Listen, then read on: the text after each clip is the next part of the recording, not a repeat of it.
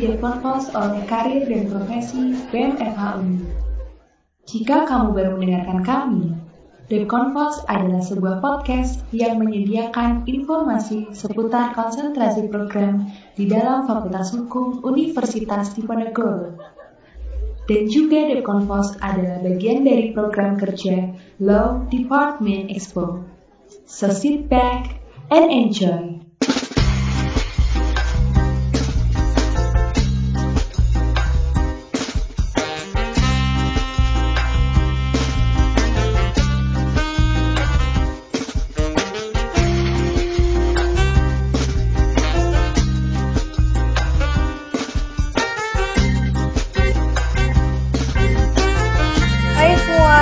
Pelopor. Aku Nena di sini. Aku ditemenin sama Ayi. Halo Ayi. Halo semua, kenalin aku Ayi. Oke, jadi kali ini kita akan membahas jurusan Hukum Administrasi Negara bersama dengan ahlinya. Siapa tuh, Nen? Bang Andika Bima Saputra. Aku Ketua Ikatan Mahasiswa Hukum Administrasi Negara FH Undip. Halo Bang Dika, kabar Bang? Ya, halo. Baik. Kalian gimana nih? Alhamdulillah. Halo, Bang. Jaga kesehatan ya. iya, Heeh. iya. Jaga kesehatan apalagi ini kan Ya, lagi Covid nih. kan. Heeh. Iya. Langsung aja Iya. nih Bang, mau tanya Hah? nih. Kan kan Bang Dika nih terjun nih ke hukum administrasi Iya. negara, ya kan. Nah, itu kalau Mhm. boleh nggak sih Bang tahu pendapatnya Bang Dika mengenai hukum administrasi negara Mhm. itu gimana sih? Kayak gimana kayak gitu sih? Dari pengertiannya atau bagaimana, Mas? Iya, dari mungkin dari pengertian menurut Dika Oh. gitu. Eh, jadi hukum administrasi menurut aku tuh kan kayak eh, ini hukum administrasi negara atau yang bi- biasa disebut dengan HAN itu merupakan eh, kayak salah satu cabang ilmu hukum yang mana ilmu hukum ini kayak berhubungan dengan perilaku atau aktivitas dari administrasi negara itu dan eh, berhubungan juga pada kebutuhan warga negara serta hubungan di antara keduanya itu saling berhubungan gitu loh. Nah, di sini apalagi di saat administrasi negara itu menjadi pilar dalam pelayanan publik atau pelayanan yang sering diberikan oleh pemerintah kepada masyarakat uh, sebagai pihak pelayan.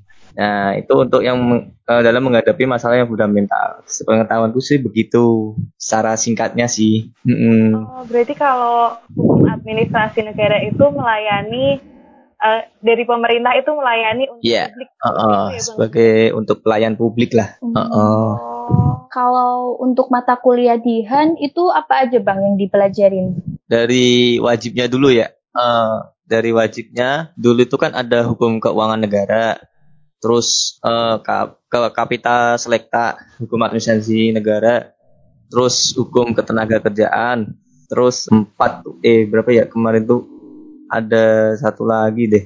Terus yang pilihannya itu ad- kan ada tuh dibagi jadi delapan kalau nggak salah itu.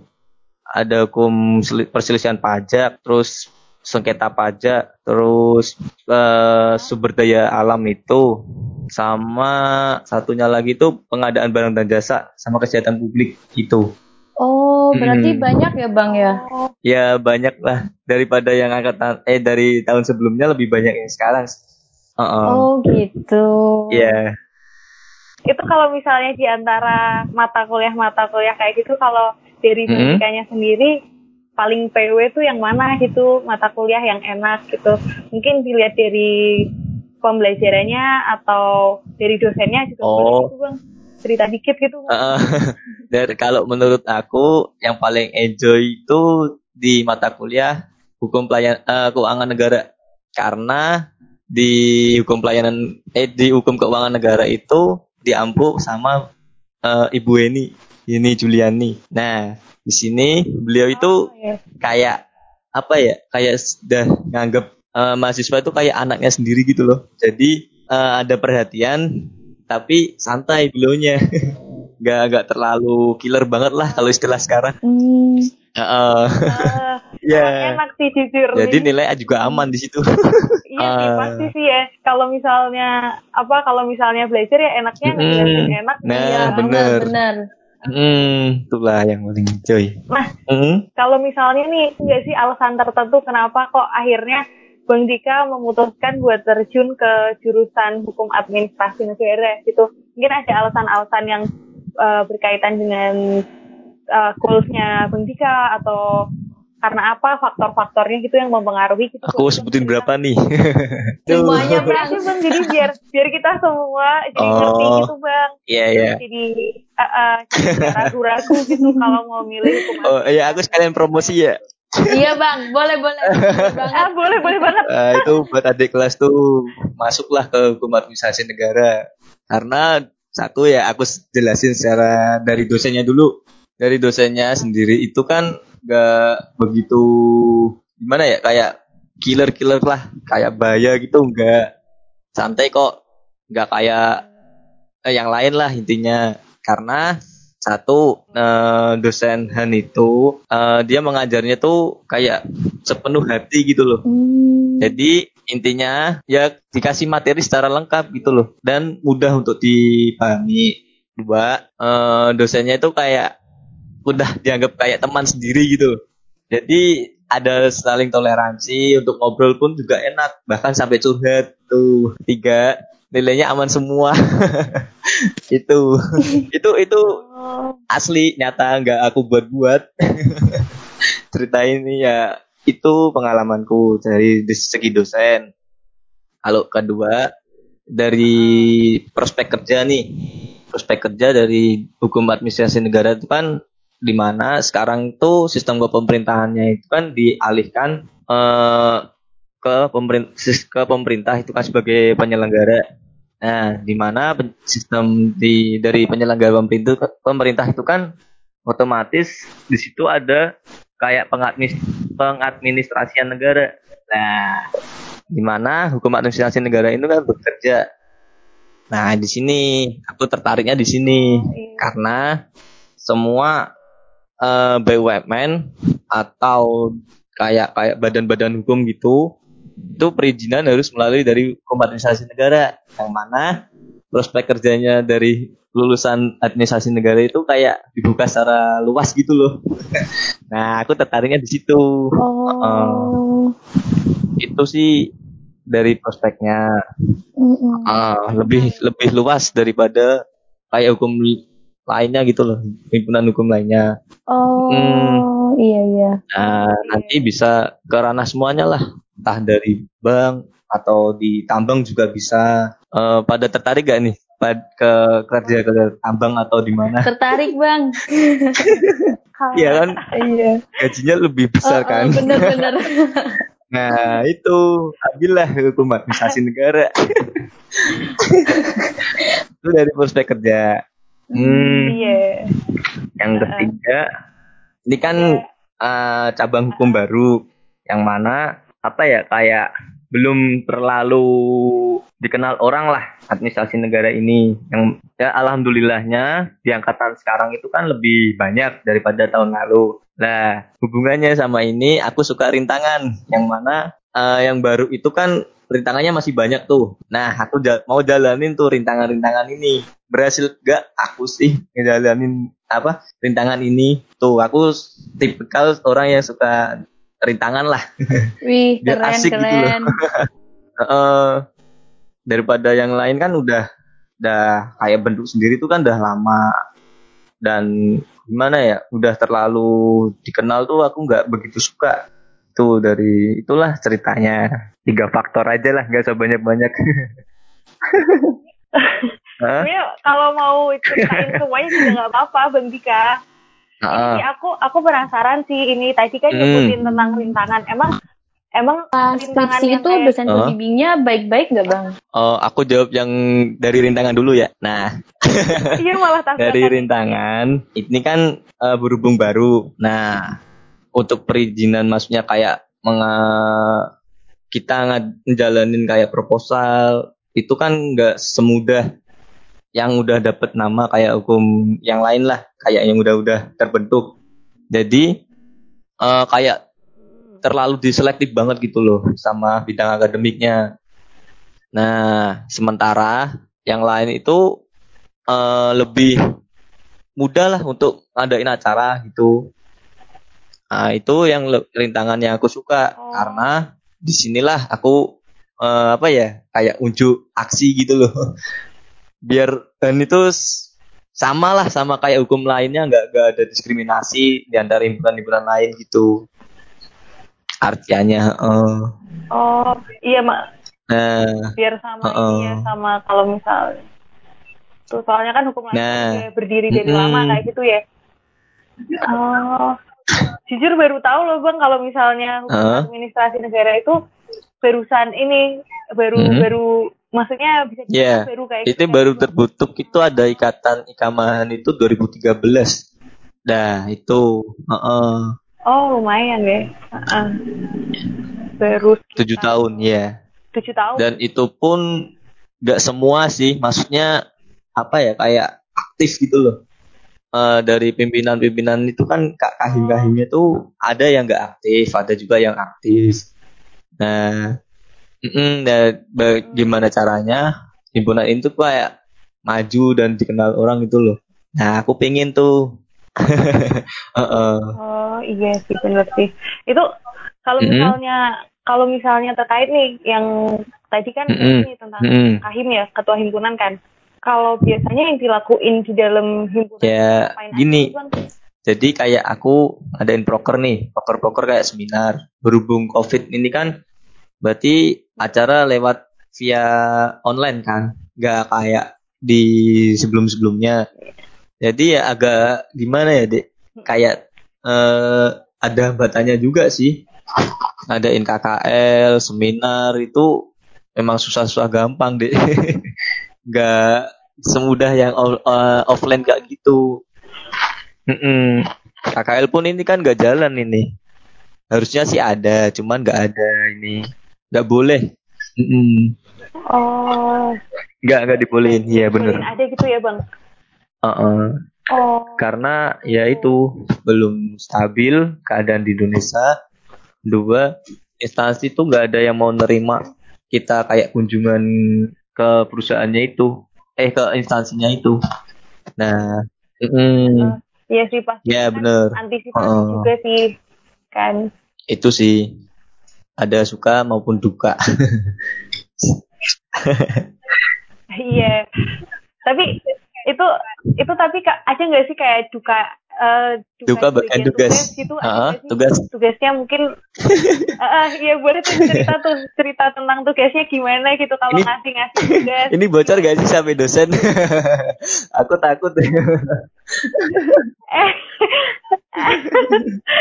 mungkin ya cari aman sih jangan gini tapi kalau misalnya mau Aduh. nyampein juga nggak apa-apa nanti dosennya aku, aku kabarin gitu buat buat aduh. aspirasi dari jangan mahasiswa sebut gitu inisialku ya. Jadi dari eh, tadi eh, dari tugas Iya, lanjut aja itu ada enak atau enggak enaknya tergantung dosennya.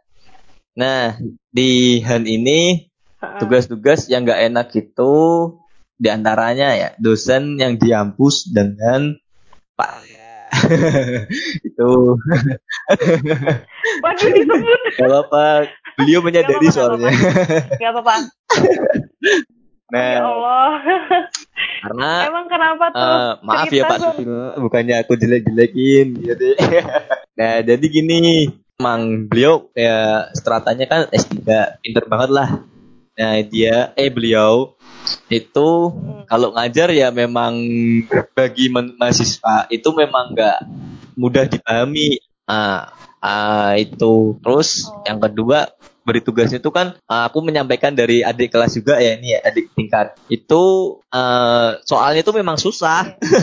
susah untuk dipahami dan Oh. jawabannya itu belum tentu itu bener tuh yang bikin eh, jelek di matkul tersebut Ah, yang bikin ngulang lah intinya Nilainya. ya tugas dari nilai tugas itu ya moga pak lah besok digantilah tugasnya ya lebih mudah gitu karena aman. Nanti aman bang. ya itu Karena apa tuh? Jelasinnya setengah-setengah waktu kuliah nah yang kedua itu Heeh. tugasnya itu kayak gimana ya eh, menurutku kayak strata S2 gitu loh. Kalau pemahaman nggak begitu paham, ya udah ambiar tuh tugas kayak cinta ya. Aduh. Ini Itulah. nyambungnya kok ke sana. Eh, selain tugas boleh nggak? Maksudnya dari segi pembelajaran. Bagi segi pembelajaran Boleh, boleh itu sebetulnya dari Hans sendiri itu nggak nggak ada yang duka lah, duka pendalam tuh nggak ada. Eh, karena ada sih salah satu Mm. dua eh, dosen yang dari dalam pembelajaran itu gak super sibuk gitu loh. Nah itu siapa ya? Aku sebut inisialnya aja lah. Eh, Siapa? Pak S. Ya inisial boleh. Pak Dekan. Ah, tahu. nah itu. Aku tahu. Ih, aku nggak tahu. Phil. Nanti, nanti, nanti, nanti di Pak belakang, S di belakang yang aja ngajar yang ngajar waktu itu hukum ketenaga kerjaan yang eh, semester 5 5 atau 3 itu Mm-mm. kita Iya, juga iya. perlu pelajaran itu tapi di satu sisi beliau juga sibuk. Nah gimana lagi dong? Kayak eh, adalah Iya, sebagian yang suka uri gak ada kelas. Nah tapi eh, tapi gini pas kita Iya. tuh offline kalau datang kan percuma kan maksudnya sampai kelas kok kosong. Kan buang-buang waktu gitu loh. Mending tidur di kosan kan lebih enak. Itu makanya. Iya sih. Pak S itu. Itu, itu terus dari yang Itu- kedua Bu Eni gimana gimana? Bu Eni tuh ya super sibuk tapi beliau eh, apa ya kayak nyempetin lah. Yang penting jangan sampai kosong. Gimana ya mas? Itu kan pernah tuh aku jadi counting di kelas beliau. Gini aja Bu. Mohon maaf untuk kasih tugas bagaimana? Aku pernah tuh di salah satu kelas tuh. Kok ada tugas sih? Gini gini gini. Ya nggak apa-apa daripada kosong. Tapi di tugas itu udah ada jawabannya bagusnya beliau sih begitu Heeh. dosen hantu enak kok santai Kalau untuk masalah skripsi itu dosen pembimbingnya gimana, Bang? dari akunya atau dari secara umumnya Cara umumnya, secara Bang? umumnya Iya. maksudnya mekanismenya atau bagaimana di Eh, dosen pembimbingnya Ah. itu baik ngajar gitu atau gimana? oh itu penuh cerita Oh, itu punya cerita. Iya penuh cerita karena semua itu gak, gak sama sih nah. Aku jabarin nih dari yang tua dulu ya. Eh, iya, Bang, boleh, boleh. yang tua itu Oh, iya, boleh, boleh. yang super susah ditemuin. Itu tadi Bu Eni satu. Ah karena beliau menyadari kalau ini COVID beliau sekarang boleh untuk dikirim email. Nah tapi kan kalau dikirim email itu kan ada mahasiswa itu kan persepsinya beda-beda. Ada yang puas atau yang belum paham. Nah itu yang bikin susah buat revisian. Eh revisian. Nah itulah. Revisian tuh Mm-mm. susah banget kalau sus- dosen gak ditem eh, susah untuk ditemuin. Itu bahkan sampai sebulan tuh kalau gak jalan ya udah kasihan kan. Nah Mm-mm. itu. Terus Pak S tadi lagi. Itu setelah aku udah minggu pertama ya itulah. Harus berbentuk hard file terus dikoreksinya juga lama. Itulah. Yang bikin lama. Lah kalau masa masa pandemi gini kan Mm-mm. kan nggak mungkin juga ya kalau mahasiswa Oh. itu mungkin Yang mungkin ini dek. salah. Berarti mungkin dek. Karena gini mungkin serius oh, ini gini. Wah. jadi di dalam bimbingan itu kan dibatasi tuh ada satu eh maksimal tuh dua orang tiga orang dalam pengampuan itu. Nah Pak S sendiri itu aduh, Aduh, di di itu aja kasih bisa- gitu ya. gini harus bentuk Iya, kenapa tuh tadi? satu dikirim. Nah karena apa ya kayak udah nggak kuat gitu loh. Kayak baca di monitor itu udah kuat. Nah yang bikin lama filenya itu kayak dibaca itu mungkin ya dari jangka waktu 5 sampai 4 hari lah baru dibaca itu. Itu yang bikin lama. Terus kasihan juga yang dari luar Jawa karena harus ngirim bentuk hard file itu kan kita butuh juga tuh kayak paket, maketin juga itu kan biaya juga kan. nah itu harusnya ya gimana ya kita harus maklumin sama saling memaklumin lah. Tapi ya resiko jadi mahasiswa ya begini dari segi skripsian tuh belum tentu juga hasil proposal itu benar semua. Kita harus ngirim lagi, keluar biaya lagi itu. Nah itu dari Pak S. Tapi sebetulnya baik sih orangnya. Beliaunya tuh baik. Pasti di ACC kata dari kating-kating sebelumku sih. Nah, Enak tuh mau deh. nah tapi ya kalian harus sabar. Ya Pak S tuh. Nah, Iya iya harus ini sih mungkin strategi ini Hmm, strategi bener. kita Hmm. jauh-jauh hari sama. tapi santai kok beliau ini di kan. Terus kok gak gak gak pernah gak berangkat pernah ya uh, itu serius dalam Oh, akhir iya. pekan ini beliau sering di Eva nah itu cuman nggak tahu nyen- beliau nyentuh uh, skripsian kita atau enggak bro? Tuh. Terus? Saking Nah, sibuknya kali ya. Kak. Sibuk Iya pol kan? itu sibuk banget. Terus yang ketiga yaitu tadi Pak Susila. Itu kita jadi gini dalam modelnya Pak Susila itu kan beliau kasih kita tempo tuh. Misal tiga bulan. Kamu harus selesai ya tiga bulan ini. Kalau nggak selesai ya udah kamu nggak usah eh, bimbingan lagi sama saya. Waduh. Waduh, Waduh. Tapi Iya. ini sih kalau yang kayak gitu tuh malah ya ya, bener. se- eh, ada timeline Iya, gitu disiplin, jadi kita bener. disiplin kita nih. dikejar banget Sebenarnya. cuman ya itu siap-siap lah. Jangan sampai down mentalnya. Itu. Jaga kesehatan juga. Wah, nah, tapi nanti bentuk iya. skripsianmu itu kayak novel gitu tebal Pak Susila Eh, itu kalau karena beliau berdasarkan filsafat ya. iya aduh itu wow. kita kita sih belum Santai, nyampe- santuy, Dek. nyampe Gampang kok. Semester 5 ya? iya lima eh. tapi takut Santuy, jujur, gampang, tapi takut gampang. jujur. gampang deh yang penting kamu sering tanya aja lah kalau sering tanya gitu malah nggak masalah ya enggak. Takutnya tuh takutnya di itu kan kayak apa ya, oh dicap oh orang ini kok belum paham banget gini gini gini enggak salah malah iya tapi emang gini, kan gitu Nih, loh boleh gak sih aku kasih tips buat eh, lolos uh, Prof Elin? Jadi gini, Prof Boleh, Elin boleh itu banget. beliau tuh sebetulnya enak. Cuman ya itu anggapan dari kata-kata orang-orang mahasiswa itu kayak dia beliau tuh killer banget lah. Padahal enggak, ekspektasi kita tuh salah. Di situ beliau jelasin sampai sedetail-detailnya pakai filsafat itu. Paham deh, serius. Kamu nggak usah takut tanya karena se satu dua eh, dua kali eh, kamu tanya itu bakal diinget sama beliau.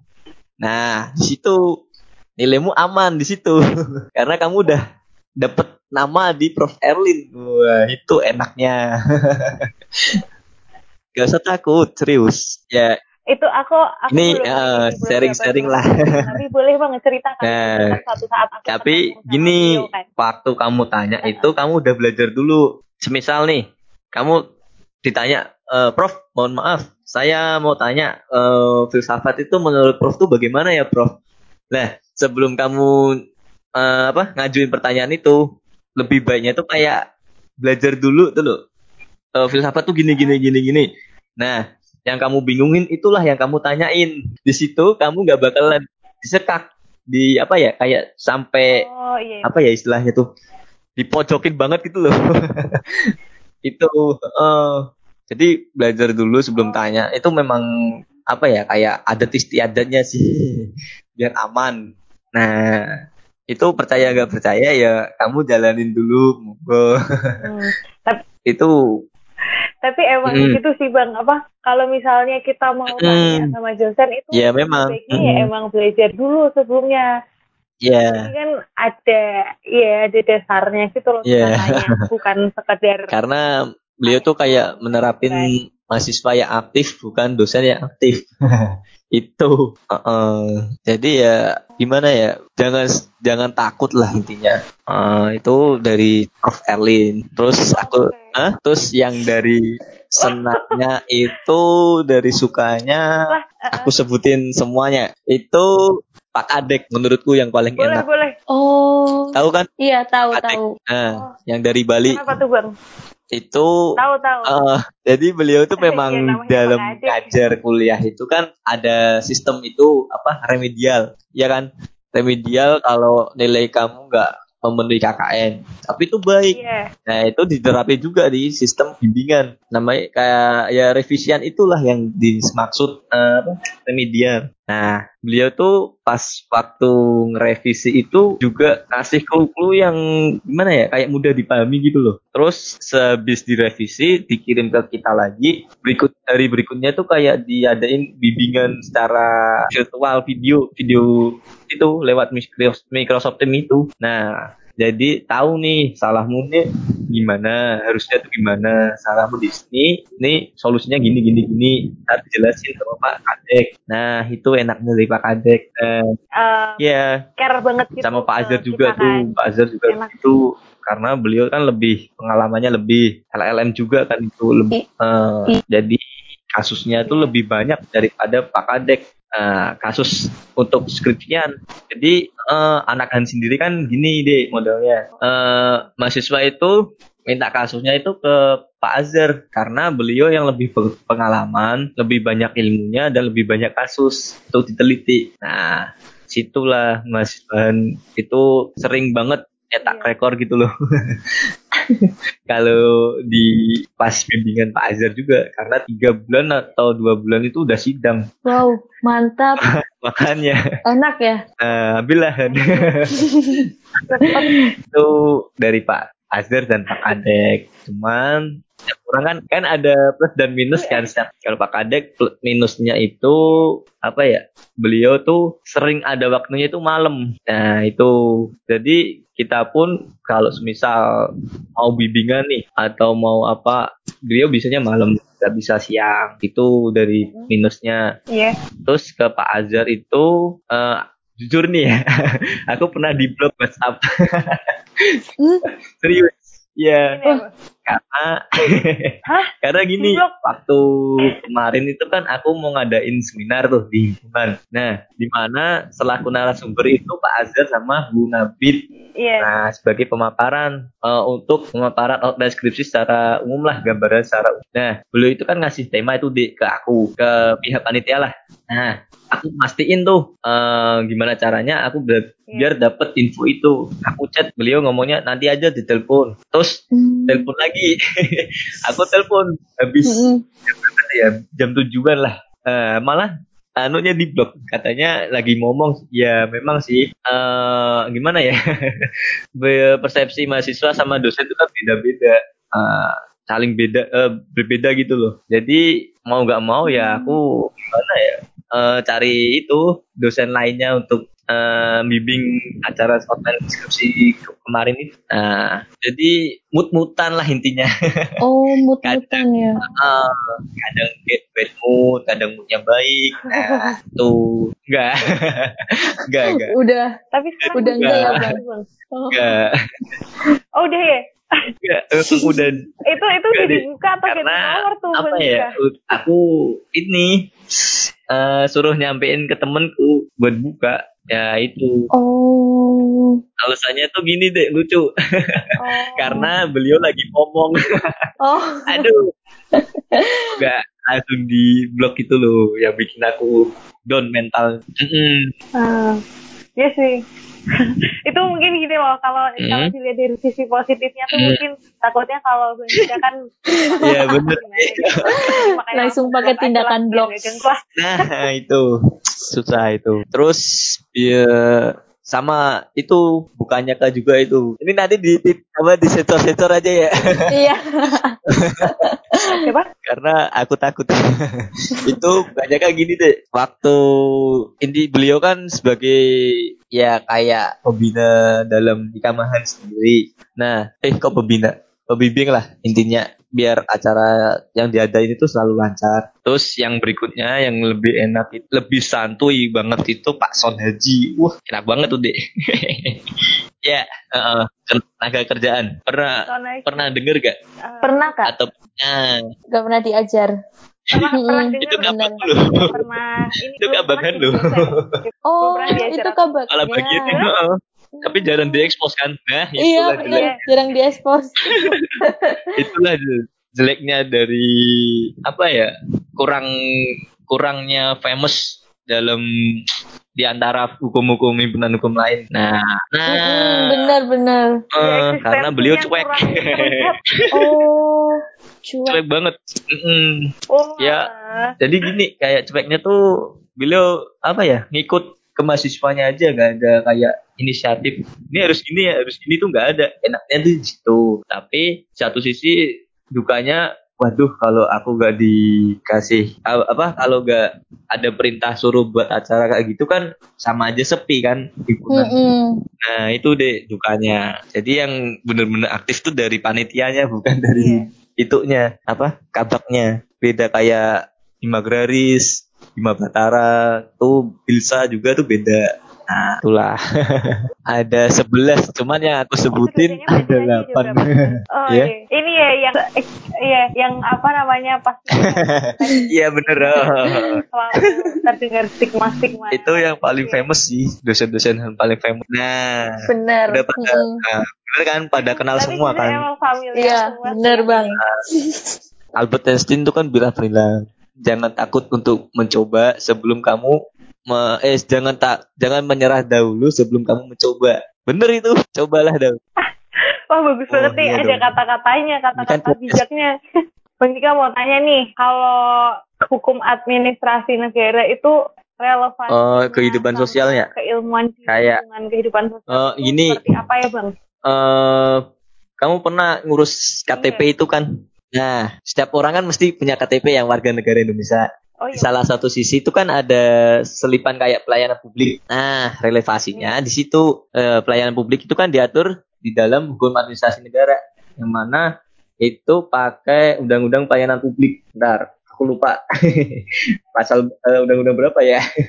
Ah, undang-undang berapa? Eh, in- oh, aku ingat eh, Apa itu undang-undang nomor pelayanan? 25 tahun Nanti kan 2009. kalau misalnya dicari Nah, ini. di sini kan di Oh. dalam UU-nya itu disebutkan bahwa eh, itu Oh. pelayanan publik itu bersifat eh, memiliki prinsip itu transparansi, terus efisiensi dan lain lah. Yang mana jika prinsip itu nggak dilaksanain, terjadilah maladministrasi. Nah, maladministrasi ini kayak eh, ini penyalahguna penyalahgunaan wewenang. Nah, eh, dalam KTP itu kan mesti itu kan ada salah satu pejabat yang eh, yang menyalahgunakan wewenang. Nah, kamu tahu kan yang kasus korupsi KTP itu kan KTP. Nah, itu kan salah satu dari penyalahgunaan wewenang di mana KTP. dana tersebut Iya, iya. digunakan untuk ber- Betul. kepentingan pribadi. Nah, di situlah Han bekerja. Ya.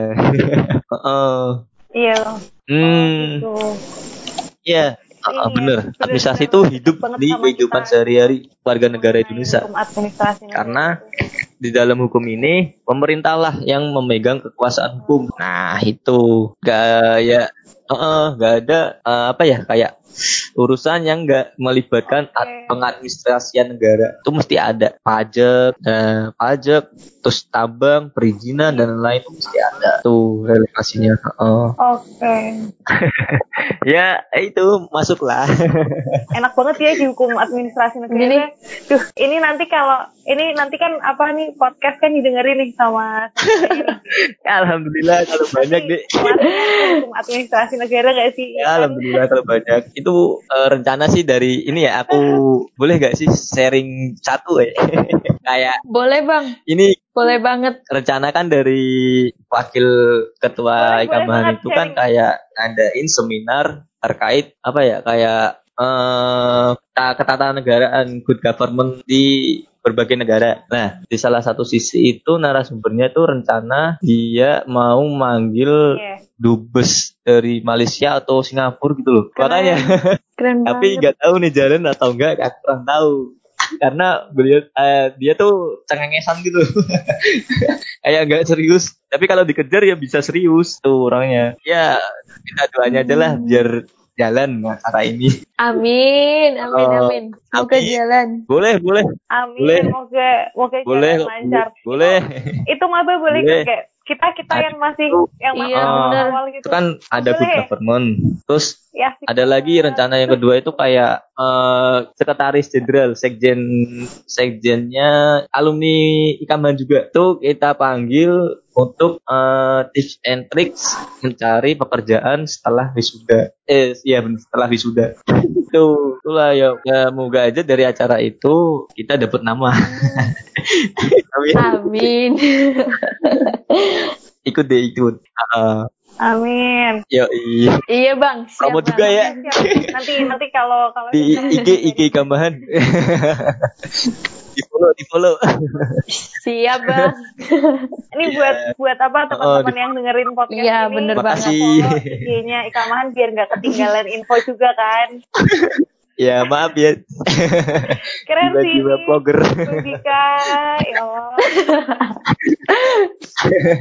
ya Heeh. Gak apa-apa keren loh Bang Dika. Heeh.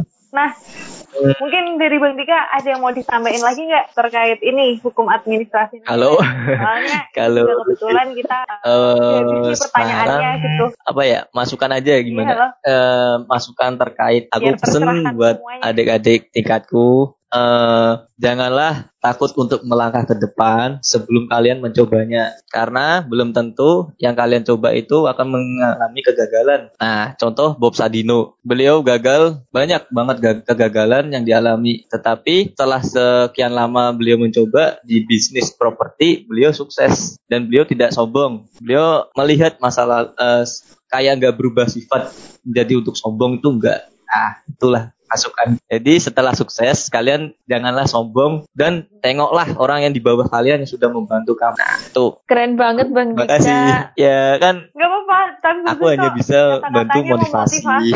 Heeh, biar gak apa ya kayak terjadi drop out gitu karena di mana di ke kata-kata dosen itu paling banyak drop out itu dikasih pada semester 5 nah itu aku jangan sampai adik tingkatku itu sampai kenal lah karena kasihan juga udah 5 semester kok ah, malah di DO Mm-mm. Oke deh, buat podcast kali ini bareng Bang Dika terkait hukum administrasi negara. Makasih banyak ya bang. ya Sukses sudah selalu.